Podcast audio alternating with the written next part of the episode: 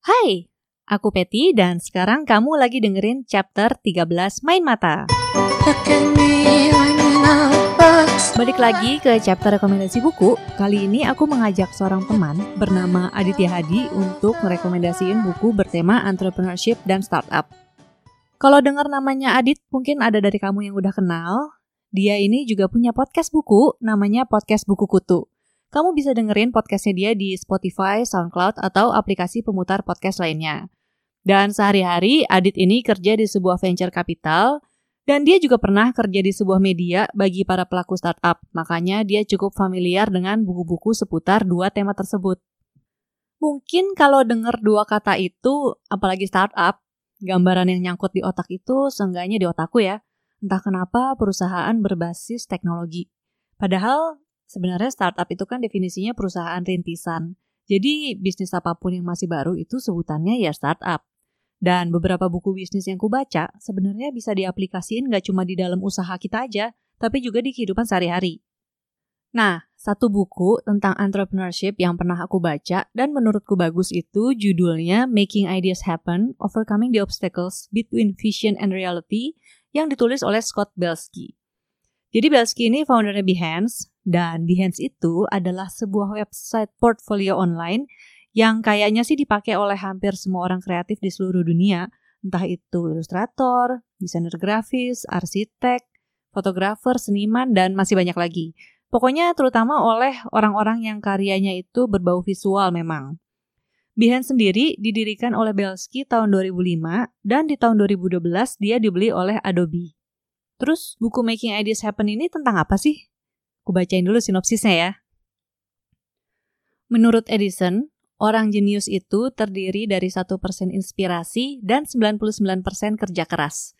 Ide-ide untuk bisnis baru, solusi terhadap masalah dunia, dan terobosan artistik sudah cukup banyak kita dengar, tapi jarang sekali dieksekusi.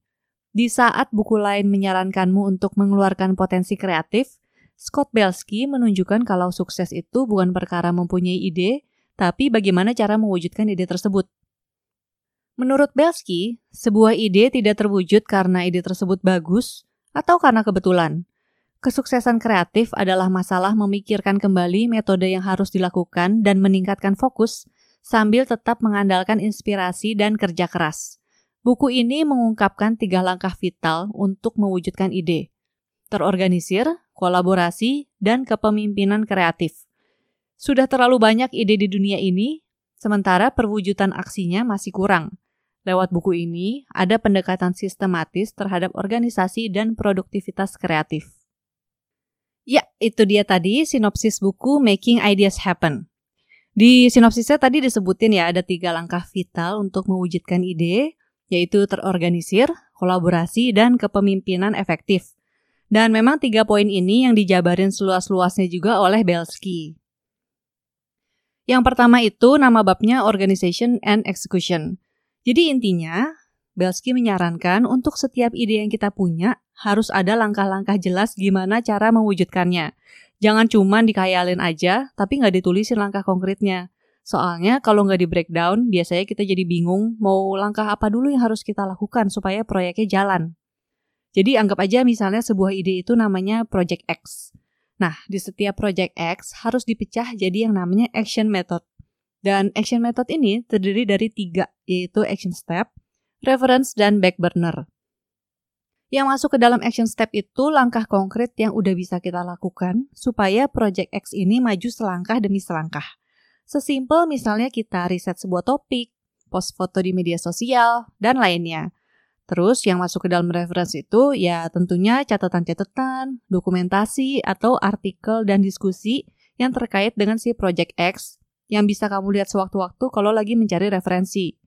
Kemudian yang masuk ke back burner itu langkah-langkah yang kelihatannya masih belum waktunya untuk dilakukan sekarang, tapi sepertinya akan berguna deh di masa depan. Bab kedua buku ini judulnya The Forces of Community.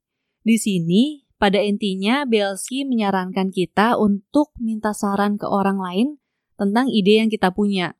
Tujuannya sih supaya kita juga bisa dapat input, terus bikin ide tersebut jadi lebih baik. Syukur-syukur malah ada yang mau bantuin ya kan. Nah, ini juga kata Raymond, suamiku. Dia pernah bilang kalau sebuah ide udah di-share ke orang banyak, biasanya akan lebih mungkin untuk kejadian, soalnya kita jadi ada semacam tanggung jawab untuk ngewujudinnya. Malu dong kalau udah keluar-keluar tapi terus nggak jadi apa-apa. Terus ada juga tulisan Bielski yang aku suka di sini. Ideas often have the tendency to lie stagnant until we are jolted into action by either excitement or fear. Jadi mau girang banget atau takut banget, ya nggak apa-apa. Yang penting itu jadi bensin buat ngewujudin idenya. Nah, di bab ketiga itu judulnya Leadership Capability. Di bagian ini, Belsky menulis tentang cara-cara mengelola tim dan juga diri sendiri. Kalau mengelola tim itu, dia ngomong tentang reward dan fleksibilitas. Sementara untuk mengelola diri sendiri, Belsky menekankan pada self-awareness, supaya kita tetap bisa terus percaya diri, juga merasa nyaman di situasi-situasi yang ambigu. Dan juga supaya kita nggak narsis-narsis amat dengan keputusan kita. Intinya sih gimana caranya supaya kita mengelola manajemen semangat untuk diri sendiri dan untuk tim. Susah banget, Bo. Nah, seperti yang aku tadi bilang di awal, sebenarnya menurutku ketiga langkah di buku ini tuh nggak cuma bisa dipraktekin buat bisnis aja sih, tapi juga bisa banget buat di keseharian kita. Salah satu tulisan Belsky di buku ini rasanya cukup mewakilkan. Dia bilang begini, Everything in life should be approached as a project. Kedengerannya mungkin jadi kayak berat banget ya, tapi ide-ide kecil di urusan rumah tangga aja, ketika dijadiin project memang rasanya tuh jadi lebih mudah buat diwujudin. Misalnya nih, awal tahun ini aku dan suami pernah bikin project diet. Soalnya waktu itu kami mau trip ke Asia Tenggara selama satu bulan. Dan waktu itu kami udah ngebayangin dong, pas pergi pasti bakalan juga kulineran ke mana-mana. Kalau nggak diet dulu, kita takutnya bisa bengkak tuh badan. Akhirnya kami tentuin waktu itu dalam sehari jadwal makannya gimana, menu makanan mingguannya apa, target mingguannya seperti apa, dan bener sih dalam sebulan sukses turun sesuai target. Jadi ada motivasinya karena tahu di ujung harus ada yang bisa dicapai. Jadi, meskipun buku ini kesannya ditujukan buat orang kreatif atau buat pebisnis, tapi kalau kamu karyawan swasta, bapak atau ibu rumah tangga, freelancer, part-timer, mahasiswa, tetap bisa banget kok pakai metode-metode yang ditulis di dalamnya untuk diaplikasiin di kehidupan sehari-hari, soalnya sangat praktikal. Dan buku Making Ideas Happen ini ada versi terjemahannya loh, dijual oleh Mizan. Kamu bisa cek ke websitenya mizanstore.com. Kalau mau versi asli yang berbahasa Inggris, aku nggak tahu sih apakah masih ada di toko buku impor kayak Periplus atau Kinokuniya, tapi di bookdepository.com ada kok. Oke, itu dulu rekomendasi buku dariku. Sekarang kita dengerin rekomendasi tiga buku dari Aditya Hadi yuk. Halo semuanya, para pendengar chapter Main Mata dari Potluck Podcast. Kenalin, nama gue Aditya Hadi Pratama dari podcast Buku Kutu. Dan kali ini gue mau berbagi tiga rekomendasi buku yang cocok dibaca oleh kamu yang ingin masuk ke dunia entrepreneurship, khususnya startup teknologi. Kenapa gue milih tema ini? Karena gue sendiri selain menjadi podcaster yang ngomongin soal buku di podcast buku kutu, gue juga bekerja di dunia startup. Awalnya sebagai jurnalis dan sekarang di sebuah perusahaan venture capital atau modal ventura. Oke, gue langsung mulai aja ya. Rekomendasi buku pertama dari gue adalah Zero to One Notes on Startups or How to Build the Future. Buku ini dikarang oleh Peter Thiel, terbit tahun 2014. Banyak yang mungkin mengenal Peter Thiel sebagai seorang investor startup. Tapi sebelumnya dia juga pernah menjadi founder, dia pernah mendirikan PayPal dan tergabung dalam yang namanya PayPal Mafia, alias orang-orang hebat di Silicon Valley yang sebelumnya bekerja di PayPal dan keluar ketika PayPal kemudian exit. Banyak yang mencibir sosok Peter Thiel sebagai sosok yang menyebalkan karena pertama dia dukung Donald Trump, kedua dia juga terlibat dalam gugatan terhadap Gawker Media ini ada hubungannya dengan kebebasan pers. Tapi harus diakui kalau Peter Thiel ini juga emang punya pengalaman yang oke dalam dunia startup di Silicon Valley. Oleh karena itu, bukunya yang berjudul Zero to One ini bagus banget. Dia ngebahas tentang pengertian startup itu apa menurut dia dan khususnya pola pikir yang harus dimiliki oleh seseorang yang ingin masuk ke dunia startup atau menjadi founder. Dia jelasin kalau dunia startup itu beda dengan bisnis konvensional karena kalau bisnis konvensional mungkin kita bisa tanda kutip nyontek ke sesuatu yang udah ada.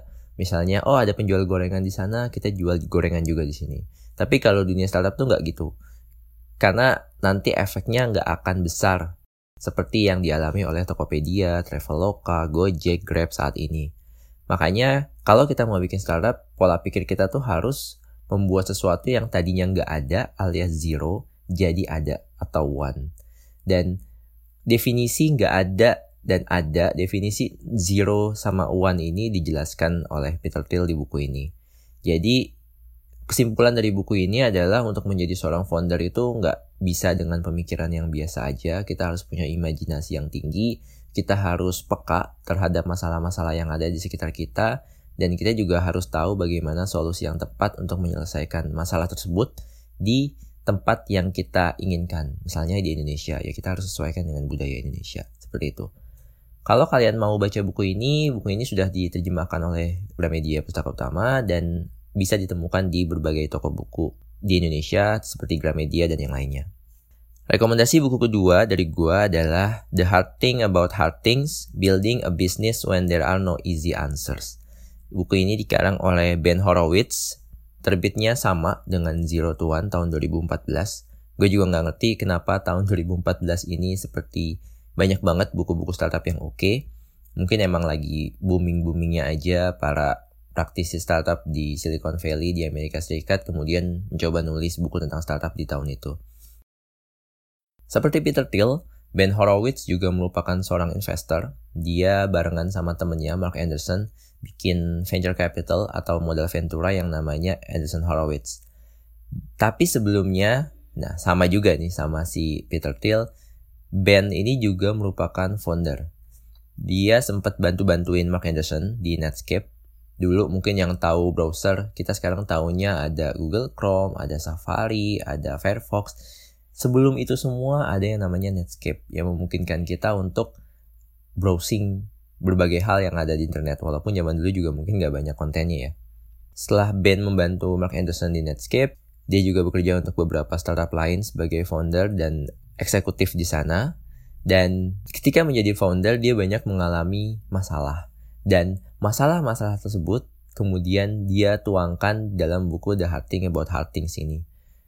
Pertama mulai dari susahnya mencari pengguna, kemudian bagaimana ketika dia harus kehabisan uang karena solusi yang dia buat tidak mencapai target, bagaimana dia kemudian harus membagi perusahaannya menjadi perusahaan A dan perusahaan B dan itu bagian dari strategi bisnis. Kemudian bagaimana dia membawa perusahaan yang ia bangun untuk masuk bursa saham dan berbagai masalah lain yang melanda ketika dia waktu itu menjadi founder. Emang Ben Horowitz ini terkenal sebagai orang yang belak-belakan, jadi di buku ini juga dia terlihat jujur banget menceritakan semuanya. Dan kesimpulan yang gue dapat dari buku ini adalah emang banyak orang yang berpikir bahwa startup teknologi itu adalah soal teknologi, teknologi, inovasi, dan lain sebagainya. Tapi di buku ini gue belajar banget kalau mendirikan startup itu sebenarnya nggak jauh beda sama mendirikan perusahaan biasa. Yang intinya itu adalah soal manusia bagaimana kita membangun manusia di dalamnya agar bisa mempunyai mindset yang bagus, bagaimana agar mereka juga mempunyai tujuan yang sama dengan kita, bagaimana mereka juga bisa bekerja keras untuk memberikan solusi yang baik untuk pengguna, seperti itu. Dan man management atau bagaimana cara kita mengelola manusia di dalam sebuah startup itu sendiri nggak kurang penting dibanding teknologi yang sedang kita bangun, seperti itu. Jadi buku ini oke okay banget menurut gua, tapi sayangnya gua nggak ngerti kenapa ya buku ini belum diterjemahkan dalam bahasa Indonesia. Jadi mungkin kalau kalian emang pengen cari, kalian bisa ke toko buku online seperti Book Depository atau kalau mau ke toko buku offline itu bisa di Periplus. Gue juga beli buku ini di sana ada kok. Kemudian buku ketiga yang gue rekomendasikan buat kalian ini lebih baru. Kalau tadi kan tahun 2014, sekarang ini terbit di tahun 2018 Judulnya itu adalah We Are the Nerds, The Bird and Tumultuous Life of Reddit, The Internet's Culture Revolutionary. Ini buku dikarang oleh seorang jurnalis cewek dari Amerika Serikat juga, namanya Christine Lagorio Chavkin. Mungkin beberapa dari kalian udah ada yang pernah mendengar tentang Reddit, tapi ada yang belum. Mungkin bagi yang belum tahu Reddit, gue jelasin mungkin perbandingannya di Indonesia itu Reddit itu semacam kaskus lah di Amerika Serikat. Cuman model-modelnya sedikit beda aja. Tapi mirip kayak forum, kita semua bisa ngepost apa pun, tapi modelnya bukan berupa tulisan, tapi berupa link. Kemudian bisa kita upvote, kita kasih like lah. Kemudian dia akan naik ke atas gitu, nanti jadi trending topic dan lain sebagainya. Nah, Reddit ini sampai sekarang sebenarnya masih hits di berbagai belahan dunia. Gua sendiri dan beberapa temen gue juga suka buka Reddit walaupun saat ini Reddit diblokir di Indonesia. Tapi karena gue suka banget konten di dalamnya, gue bela-belain buka pakai VPN. Ups, semoga Kominfo nggak denger ya. Nah, di buku ini si penulis Christina Goryachvkin berusaha menjelaskan tentang sejarah dari Reddit itu sendiri yang mulai didirikan dari tahun 2000-an Kemudian dia didirikan oleh dua orang yang emang geek banget. Namanya Steve Hoffman dan Alexis Ohanian. Mungkin nama terakhir sedikit familiar bagi para penggemar tenis, iya karena dia adalah suami dari Serena Williams. Nah, si dua orang ini, Steve Hoffman dan Alexis Ohanian ini gak sengaja sebenarnya punya, punya ide startup. Kemudian waktu itu dia masuk ke sebuah inkubator startup yang namanya Y Combinator.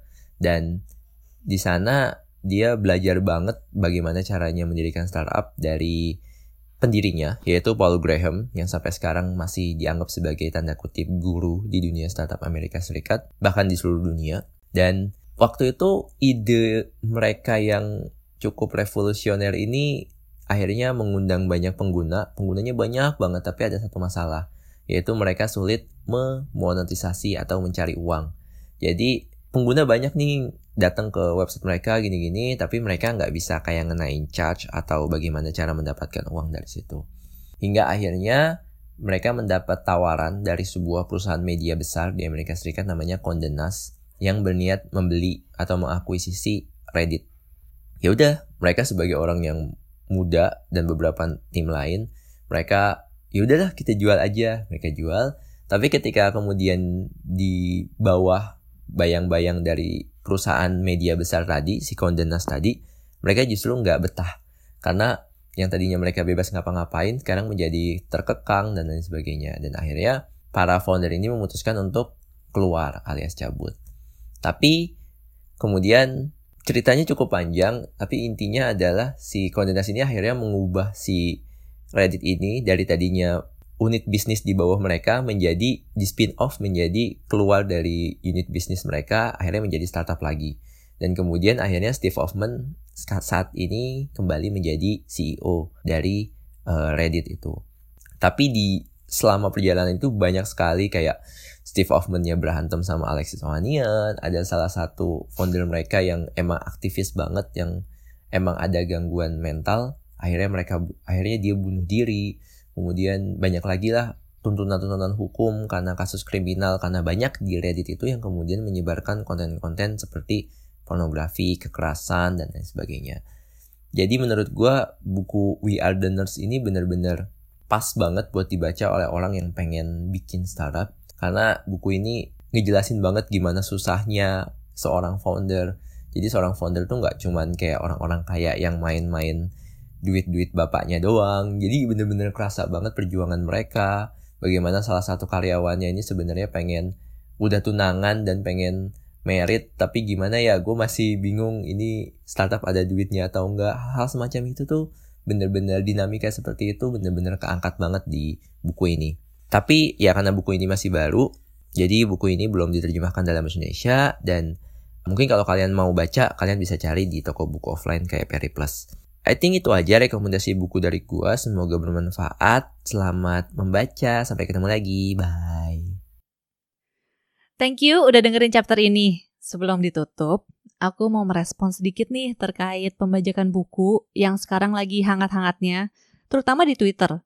Kalau kamu belum tahu, coba deh cek tagar stop pembajakan buku. Di situ lagi rame banget para penerbit. Di sini aku cuma mau berpesan kalau please banget kalian jangan sampai beli buku bajakan ya. Soalnya proses penciptaan sebuah buku itu harus melalui jalan yang panjang banget. Mulai dari ide si penulis, pembuatan tulisan yang memakan waktu berbulan-bulan, bahkan bisa sampai belasan tahun kalau risetnya sangat mendalam. Terus dari penerbit harus ada editor yang menyunting tulisannya, juga harus mencetak buku, dan memasarkannya ke berbagai tempat. Jadi harga buku yang dijual itu ya untuk menutup seluruh biaya tersebut. Dan percayalah, biayanya nggak murah dan penerbit juga harus berani ngeluarin duit untuk nombok di awal. Jadi kebayang dong kalau ada toko yang seenaknya menjual buku bajakan dengan harga murah untuk keuntungan dia sendiri. Si penulis nggak dapet royalti untuk modal dia bikin tulisan selanjutnya. Penerbitnya juga nggak dapet profit untuk dia nyetak buku berikutnya. Terus kalau nggak ada penulis dan penerbit, kita mau baca apa? Jadi kalau memang kamu lagi nggak ada uang untuk beli buku, mungkin coba deh cari dulu bukunya di perpustakaan atau pinjam ke temanmu. Dan setauku para penerbit juga sering kok ngadain diskon buku. Oke? Okay? Anyway, jangan lupa untuk subscribe Potluck Podcast di YouTube. Terus follow juga ya di Spotify dan SoundCloud. Dan follow juga akun Instagramnya di @potluckpodcast, P O D L U C K podcast untuk cari tahu seputar episode terbaru yang akan tayang. Bye bye.